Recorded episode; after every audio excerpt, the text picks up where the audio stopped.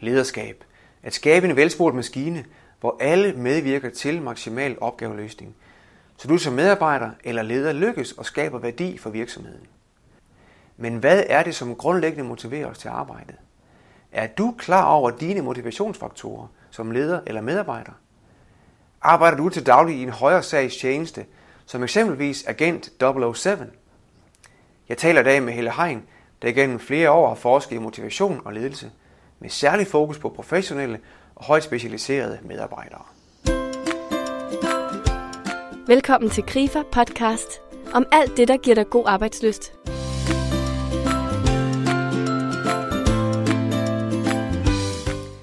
Helle Hein er uddannet Kan Mærk og Ph.D. og arbejder som selvstændig forsker. Hun har i en årrække forsket på blandt andet Rigshospitalet og det kongelige teater omkring, hvad der motiverer mennesker i deres arbejde. I hendes studie har hun udviklet fire arketyper, som beskrevet i bogen Primadonna-ledelse, når arbejdet er et kald. Det her er første del af to podcasts med Helle Hein, hvor anden del udkommer om 8 uger. Her i første del taler vi om, hvad der motiverer de forskellige arketyper, og hvad man som leder skal være særlig opmærksom på, når en højere sags tjeneste er drivkraft og motivation. Mit navn det er Ole Drejer. Jeg er konsulent i Grifa. Velkommen til. Og Helle, vil du ikke begynde med at fortælle os om dit syn på motivation, og hvad motivationen betyder for de fire arketyper inden for primadonna-ledelse? Altså min, min tanke omkring motivation er, at vi bliver nødt til at bevæge os fra den tanke, der ligger i de tidlige klassiske motivationsteorier om, at motivation er et middel til at få nogen til at gøre noget bestemt. Det vil sige, at der er nogen, der styrer nogen andre. Og det virker fint til børn og hunde, øh, men det virker altså ikke så fint til de medarbejdere, vi i stigende grad beskæftiger på det danske arbejdsmarked. Så der interesserer jeg mig mere for motivation som målet, altså tilstanden, det der, hvor vi, når vi går på arbejde, kan mærke, at det er derfor, jeg går på arbejde. Og der har jeg så kunnet gennem mine feltstudier som forsker gennem mange år øh, se, at der er fire forskellige formål med at gå på arbejde. Og jeg plejer at sige, at, at øh, man skal spørge sig selv, hvad er det, der giver dig et kick? Hvad er det, du får et kick af? Og der har jeg fundet fire arketyper. Den første af primadonnaerne, det er nok dem, jeg er blevet mest kendt for at have beskæftiget mig med. Og, og de er ikke primadonnaer i den klassiske forstand. Altså det er ikke, det er ikke dem, der har store primadonna-nykker og er barnlige og hysteriske og ledelsesresistente, men derimod folk, der er drevet af et kald. Og det er nok den nemmeste måde at afspore en samtale på i det danske samfund og spørge folk, om de er drevet af et kald, fordi det bliver simpelthen for stort og mystisk og religiøst. Så jeg definerer det mere lavpraktisk som ønsket om at gøre en forskel. Altså at man går på arbejde for noget, der er større end en selv. Det er ikke bare et arbejde, det er noget, der er vigtigere og større end en selv. Og, og når man er primadonna i min forstand, så går man på arbejde med et ønske om at gøre en forskel og får et kick af at mærke, at her der lykkedes jeg med at gøre en forskel. Man stiller så også vanvittigt store krav til arbejdet, så man vil gerne gøre det absolut bedste. Man stræber efter den højeste standard. Øhm, og man kan også se primadonnaer, som indimellem føler en pligt til at tage kampen op mod dem, der stiller sig hindrende i vejen for, at man kan gøre en forskel. Og det gør ledere, og det gør kollegaer jo indimellem. Så primadonnaer bliver kaldt primadonnaer nok, fordi de også indimellem kæmper de der kampe, som andre ikke forstår, øh, hvorfor de kæmper. Og der er det så min pointe, at de kæmper altså de her kampe i et forsvar for den højere sag. Det, det handler ikke om dem, det handler om, at der er noget, der er større end dem selv, som de vil forsvare. Ja. Så det er den første arketype.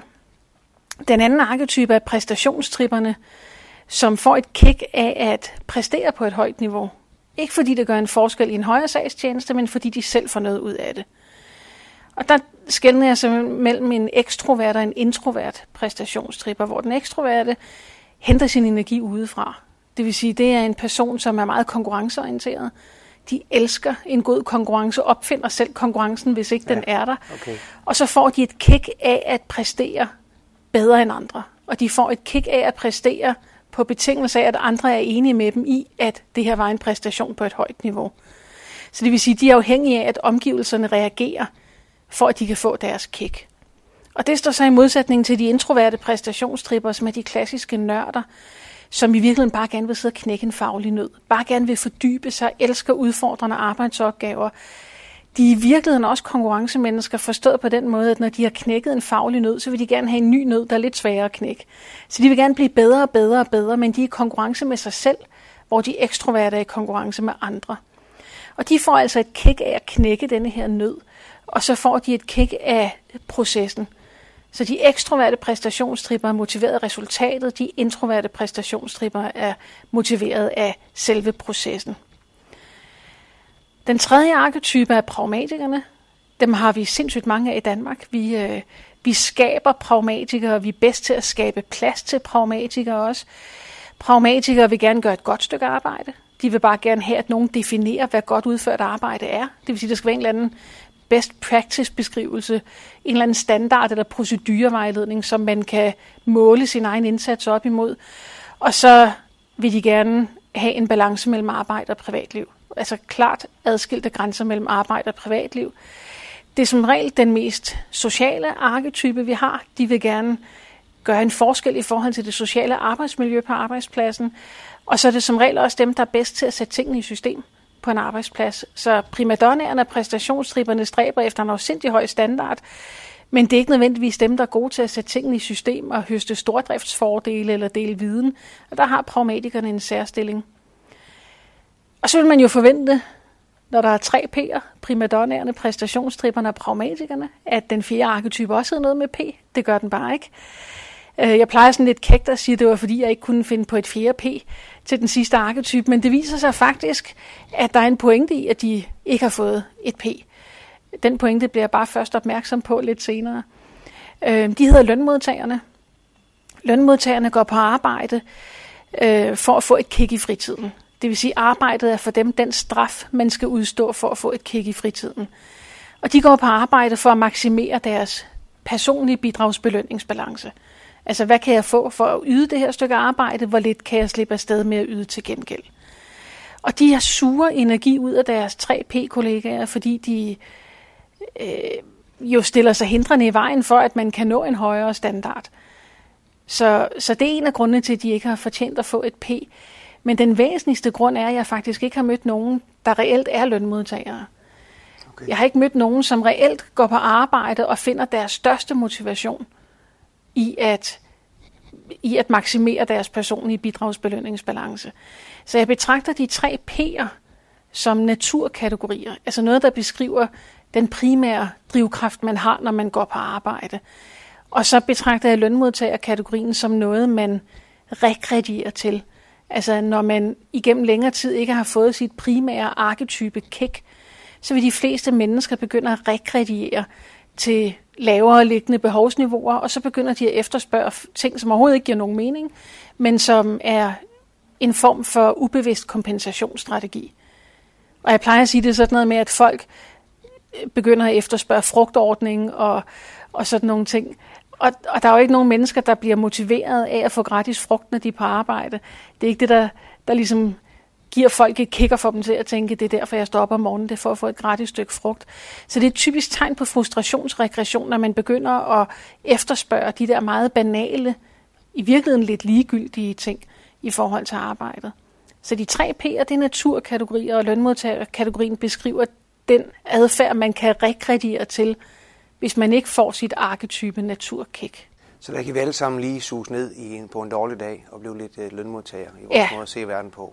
Og jeg tror, vi alle sammen har arbejdsopgaver, hvor vi opfører som lønmodtagere. Ja. Når vi skal udfylde en eller anden rapport eller schema eller rejsebilag eller hvad det nu kan være.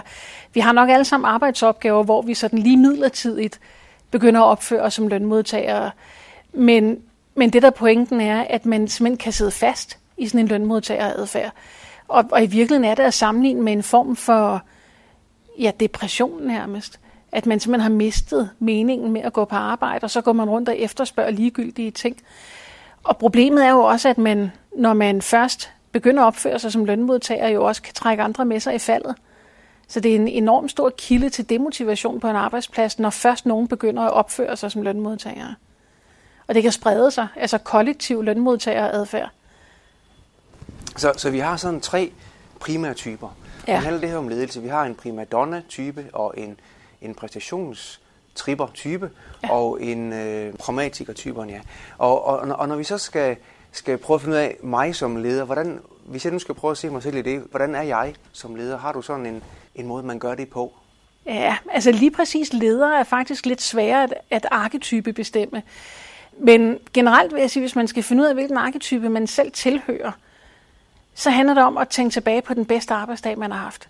Ja. Den dag, man har fået det største kick. Ja. Hvad var det, der, der udløste det kick? Var det, fordi man lykkedes med at gøre en forskel? Var det, fordi man endelig blev hyldet som en, der har skabt et spændende resultat?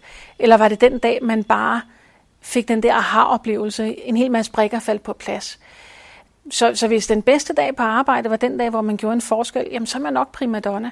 Okay. Og hvis det var den dag, man blev hyldet, øh, forfremmet måske, jamen så kunne man godt være ekstrovert præstationstripper. Og hvis det handler om at knække faglige nødder, jamen så er man nok introvert præstationstripper. Og det, der er lidt interessant, er, at når jeg så spørger pragmatikere, om de kan fortælle om den bedste arbejdsdag, de nogensinde har haft, så kan de faktisk ikke svare. Fordi de har haft mange gode arbejdsdage. Men, men den bedste kan de ikke rigtig svare på, og det hænger sammen med, at pragmatikernes kick kommer hen over en periode, hvor de kan mærke, at nu er der, nu er der styr på det, at udføre et godt stykke arbejde, der er styr på grænsen mellem arbejde og privatliv. Og den der balance, de gerne vil have, den betyder ikke noget den enkelte dag, den betyder noget over en periode. Så hvis man har lettere ved at svare på en god periode i ens arbejdsliv, eller bare definere, hvad en god arbejdsdag er, så er man nok pragmatiker. Okay. Og når det er så sværere at arketyp bestemme sig selv som leder, er det fordi, at mange ledere for at løse deres ledelsesopgave faktisk bliver nødt til i vidt omfang at opføre sig som pragmatikere, uden de nødvendigvis er det. Og det vil sige, at der kan komme en masse støj, fordi mange mennesker falder i den fælde, når de skal arketyp bestemme sig selv, at de tænker på, hvordan er det, jeg mest opfører mig. Men man kan godt opføre sig som pragmatiker i størstedelen af tiden, uden nødvendigvis at være det. Så det handler om at grave dybt i sig selv og, og virkelig tænke over, hvad er den bedste arbejdsdag, jeg har haft? Og for nogle ledere skal man måske endda vende tilbage til det arbejde, man havde, før man fik sin første ledelsestilling.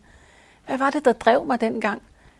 Øhm, og så se, om, om man kan genfinde det i sit lederjob. Hvis jeg nu er sådan en primadonna-type, og jeg også har et ledelsesansvar, er det så noget, jeg skal være særlig opmærksom på i forhold til, øh, til mig selv for at lykkes mest? Altså, der er jo det, at de fleste ledere, hvis ikke de er super reflekterede og meget bevidste om det, der vil man se, at deres arketype smitter af på deres ledelsesstil. Ja. Det vil sige, at man bare intuitivt bedre forstår de arketyper, man selv tilhører. Så hvis man selv er primadonna som leder, så forstår man også intuitivt primadonnaerne bedre, og så vil man typisk have sværere ved at forstå især de ekstroverte præstationstrippere. Primadonnaer har generelt svært ved at forstå ekstroverte præstationstrippere, fordi fordi de jo ikke arbejder for en højere sag, men tværtimod måske nærmest tror, de er den højere sag selv. Og der kan man godt få et problem som primadonna-leder med at forstå, hvad det er, der driver denne her arketype. Så de fleste ledere falder i den fælde, at de bliver rigtig gode ledere af de arketyper, de selv tilhører, men knap så gode ledere af de arketyper, de ikke selv tilhører. Og det betyder, at man som leder kan blive irriteret, eller virke arrogant, eller bare udøve fuldstændig misforstået ledelse, uden at man nødvendigvis spekulerer over, hvorfor. Men det er simpelthen, fordi det udspringer ens egen arketype. Så, så, så man skal lidt ud af sin, sin egen verden, sin egen ja. type verden, og ind og prøve at forstå de andres bedre? For ja, at, altså, man, man skal, altså det kræver, at man først og fremmest hæver sig op og kigger på sin egen arketype, men også begynder at analysere, hvad er det for en ledelse, jeg udøver, og, og hvorfor synes jeg, at det her er god ledelse? Og det er jo ikke noget, de fleste ledere dybest set tager sig tid til at spekulere over. Men det er altså mange refleksioner værd. Hvorfor mener jeg, det her er god ledelse? Hvad er det for nogle helt basale antagelser om menneskets natur og motivation, som jeg baserer mit lederskab på? Har, har du nogen sådan helt konkrete praktiske værktøjer og redskaber til, hvordan man kan gøre det? Altså plus skaffer på sig selv? Altså nogle systemer eller noget, du har erfaring med? Nej, altså problemet er jo, at jeg jo maner til dyb refleksion, og det er der faktisk ikke rigtig nogen quick fixes til. Øh, det er simpelthen at sætte sig ned og tage sig tid til at spekulere over, når jeg gør det her, hvorfor gør jeg det så? Hvorfor mener jeg, at det her er god ledelse? I stedet for bare at trække på skuldrene og sige, jamen det er jo god ledelse, og så, og så lede efter det. Noget af det, jeg beder ledere om at gøre indimellem, det er at sætte sig ned hver morgen og skrive ledelsesdagbog. Sådan 15-20 minutter, hvor man skriver et noteshæfte, hvad man tænker om ledelse alt, hvad der falder en ind om ledelse, fuldstændig råt for usød. Der engang imellem kommer der til at stå, at man skal huske at købe mælk og alt muligt andet. Men det væsentligste er, at man bruger tid på at sætte sig ned og skrive ned, hvad tænker jeg om ledelse, og så sætte sig ned en gang imellem og kigge på det og tænke, hvad er det i virkeligheden for nogle mønstre, der går igen her. Men når jeg beder ledere om det, så svarer de typisk, det har jeg ikke tid til. Ja. De har jo så travlt med at slukke ildebrænde og løse alle de ad hoc opgaver, der opstår. Og min pointe er, at, de, at nogle af ildebrændene, nogle af de slæder, der kommer i vejen, ikke ville komme i vejen, eller ildebrændene ville ikke opstå, hvis man tog sig den tid. Så det er en god investering. Altså, øhm. ja, altså, det er den der refleksionstid, hvor jeg sidder med mig selv og, og bare ja. får ro på at få skrevet ting ned. Ja. Og så tror du, det arbejder sådan stille og roligt ind i baghovedet i min adfærd senere? Det gør det. Ja. Og, og især hvis man gør det om morgenen, fordi så, så sker der jo noget. Man øger jo sit bevidsthedsniveau. Så når man står i en eller anden situation, så bliver man mere opmærksom på, hvad var det nu, jeg lige... Hvad var det for en erkendelse, jeg nåede frem til tidligere i dag? Øhm, og man bliver faktisk også bedre til at prioritere sine ledelsesopgaver, fordi det jo står klart, hvad er det vigtigste for mit lederskab. Og når man lige har mindet sig selv om det om morgenen, så kommer man ikke så let på afveje i, i sine ledelsesopgaver. Man får i hvert fald lettere prioriteret dem, øhm, og måske uddelegeret og sorteret i det. Så det er i hvert fald et af de redskaber, man kan bruge. Så det må vi simpelthen tage med og blive bedre til, også der ja. arbejder med mennesker, og, og få gjort ja. den refleksion for os selv og vores omverdens skyld. Ja. ja. Der er faktisk lavet en undersøgelse her for nogle år siden omkring, at faktisk hver, hver tredje dansker ser deres øh, job, deres arbejde som et kald. Kan der være nogle, nogle faldgrupper i det, i forhold til også det der med work-life balance, som du også talte om lidt før? Altså, jeg synes faktisk ikke, at primadonnaer har en tendens til at blive stresset okay. over øh, udflydende grænser mellem arbejde og privatliv. De fleste primadonnaer, synes jeg, har en ret fin fornemmelse for, hvornår de kan investere, og hvornår de bliver nødt til at vegetere lidt. Problemet er bare, at andre pådutter dem, at der skal være den her balance mellem arbejde og privatliv, ud fra deres betragtning, og det vil sige, den almindelige pragmatikerbetragtning i Danmark er, der skal være balance næsten hver dag. Men sådan fungerer pragmatikernes batteri simpelthen ikke. De, de bruger enorme mængder energi i perioder, og så har de perioder, hvor de vegeterer lidt mere. Og det synes jeg, primadonnaer har en ret god fornemmelse for, hvornår de har behov for lige at træde et skridt tilbage og holde en pause, og hvornår de så kan investere mere energi igen. Øhm, så det er ikke sådan, så primadonnaer typisk brænder deres lys i begge ender. Det synes jeg ikke, at, at, at det er i hvert fald ikke en generel konklusion, jeg har om primadonnaer, at de gør det. Men det, der stresser primadonnaer, det er, at de synes ofte, at de bliver forhindret i at nå den højeste standard eller gøre en forskel. Eller de føler, at de bliver målt på succeskriterier, som er fuldstændig kontraproduktiv i forhold til den sag, de arbejder for. Og, og det stresser dem. Og det er i virkeligheden den hyppigste årsag til langtidssygemeldinger hos primadonna og øvrigt også depressioner. Det er følelsen af at sælge ud i forhold til den højere sag, man arbejder for. Så der lurer der en fare. Øh, men problemet er bare, at den kan primadonnerne ikke løse selv. Den skal løses på det mere systemiske niveau, hvor man for eksempel prøver at kigge på, hvad er det for nogle succeskriterier, vi stiller op for arbejdet. Er der nogle steder, hvor man kan allokere nogle ressourcer hen, så det faktisk er muligt at nå den højeste standard. Primadonnaer kan jo godt forstå, at man ikke kan stræbe efter den højeste standard i alt, hvad man laver, fordi det er der ikke ressourcer til. Men det, de ikke kan forstå, det er, at man aldrig skal nå den højeste standard. Så hvis man kan tydeliggøre over for primadonnaerne, du bliver nødt til at hjælpe mig med at nå 80% af den højeste standard her, for at vi kan flytte ressourcer hen til, at vi en gang imellem kan nå den højeste standard så vil primadonnaerne gerne være med til det. Men de vil ikke være med til, at man generelt bare kører grønthøsteren hen over succeskriterierne og bliver ved med at, at, at øge de kvantitative krav og slække på de kvalitative krav. Så, så ser man primadonnaer, som typisk først vil kaste sig ud i en hæftig kamp for at forsvare den højere sag. Det er der primadonnaer, de kommer til tasterne og skriver lange mails til ledelsen om, at det her det kan simpelthen ikke være rigtigt, jeg er klar over, hvad der kommer til at ske. Og de sidder og holder lange enetaler på personalemøder osv. osv. Og, og så vil de typisk over tid fase ud og komme ned i den der lønmodtageradfærd. Og for mange primadonnaer ender det så med langtidssygemeldinger og depressioner.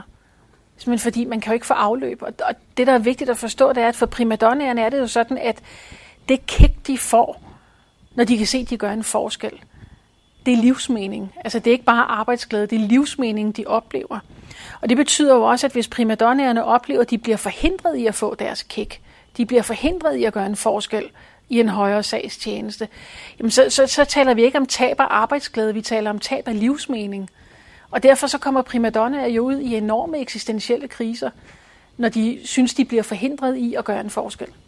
Når jeg som leder har nogle primadonnaer i mit team eller min medarbejdergruppe, så skal jeg hjælpe dem med at nå deres absolut højeste standard. Ja. Ja. Jeg må heller ikke være for, for kontrollerende, vel? Er det ikke også rigtigt forstået? Der skal jo. være plads til deres kreativitet og så videre ja. inden for de rammer der. Altså primadonnaer vil gerne have en vision. Ja. Heller en vision end et mål. Øh, så en vision, der giver en retning i forhold til, hvor er det, vi skal hen. Og så vil de gerne have så meget som overhovedet muligt autonomi i forhold til, hvordan når vi derhen. Så, så visioner er klart det bedste ledelsesredskab, når vi taler om ledelse af primadonnaer. Der er det bare vigtigt at sige, det er altså ikke de der ret intetsigende visioner, der står på de fleste virksomheders hjemmesider. Det er den fortælling, der er omkring arbejdet. Hvorfor går vi på arbejde? Og ledere kan jo også spørge sig selv, når man holder møde, hvad er det, man taler om? De fleste ledere taler om, hvad er det for arbejdsopgaver, der skal udføres, og hvordan skal de udføres. Men man forsømmer at tale om, hvorfor. Hvad er den højere sag? Hvorfor er det, vi går på arbejde her hos os? Hvad er det for en forskel, vi skal gøre? Og den skal de fleste ledere blive bedre til simpelthen at, at, at få til at gennemsyre arbejdet. Der er en fortælling. Også fordi, at fortællingen om, hvorfor vi gør det her, jo kommer til at forpligte primadonnerne moralsk. Du kan ikke sælge ud, fordi der står altså for meget på spil i den højere sags tjeneste, hvis ikke du gør det her. Øhm, så jeg plejer at sige, skru op for visionerne, og så skru ned for nytteetikken. Alle ja. de der måltal og økonomiske nøgletal og alt muligt andet. Det er ikke sådan, at der skal komme krisepsykologer og hjælpe primadonnaerne, fordi nogen har sagt dækningsbidrag på et forkert tidspunkt. Men det, man skal forstå omkring primadonnaerne, det er, at når nu de går på arbejde for at gøre en forskel, og denne her forskel opleves som værende lige med livsmening, så beder man jo primadonnaer, hvis man skal være leder for primadonnaer, om at deponere kilden til deres livsmening i hænderne på lederen. Ja. Og der er altså ikke nogen primadonnaer, der deponerer kilden til deres livsmening i hænderne på en talende lommeregner. Så man bliver nødt til at skrue ned for den der nytteetik, og så skrue op for meningen. Og det er jo så typisk gennem, gennem visionerne. Så noget mere hvorfor, ja. og ikke så meget hvad og hvordan. Primadonna-ledelse handler altså om at blive mere klar over, hvad der giver dig et arbejdskick. Og er du leder, handler det om at se ud over din egen arketype, forstå de andres typer og reflektere over din egen ledelsespraksis. Et helt konkret værktøj hertil kan være at skrive ledelsesdagbog hver morgen, så du bliver mere bevidst om din adfærd. Du kan læse den hver måned og se, hvilke mønstre, der går igen i din ledelsespraksis. Om 8 uger udkommer anden del om primadonna-ledelse med Helle Hein. Her vil vi fokusere på, hvordan du som leder udvikler primadonnaen, præstationstriberen og pragmatikeren. Du kan finde flere podcasts i vores app, der hedder God Arbejdsløst. Find den i App Store. Læg også ind forbi primadonnaledelse.dk, hvor du kan læse mere om Helle Hein og de fire arketyper. Tak, at du lytter med, og rigtig god arbejdsløst.